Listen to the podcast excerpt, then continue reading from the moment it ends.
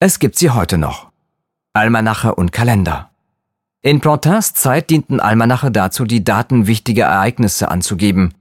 Sie sollten aber auch Wissen und neue Erkenntnisse verbreiten. Wann sät man am besten Gemüse oder Getreide? Wie führt man einen Aderlass durch? Außerdem enthielten sie Vorhersagen über Überschwemmungen, Kriege, Sonnenfinsternisse, durch Heuschrecken und vieles mehr. Die Kalender wurden oft von Ärzten zusammengestellt. Auch der bekannte Franzose Nostradamus war so ein Kalendermacher. Jeder benutzte Almanache. Im 16. Jahrhundert war Antwerpen das bekannteste Zentrum für die Herstellung dieser Jahrbücher.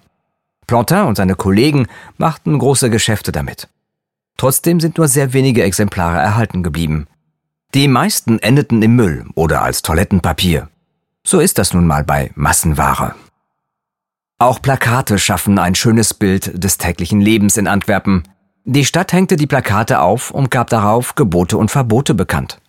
Plantin und seine Nachfolger durften sie drucken. Darunter befand sich auch eine Verordnung aus dem Jahr 1585, die besagte, dass es verboten sei, auf den Kanälen Schlittschuh zu laufen. Ein Verstoß wurde mit einer Geldbuße bestraft. In einem weiteren Verbot aus diesem Jahr hieß es, dass Jugendliche nicht mit Stöcken und Steine nach Passanten werfen dürften und Eltern ihre Kinder von der Straße holen sollten.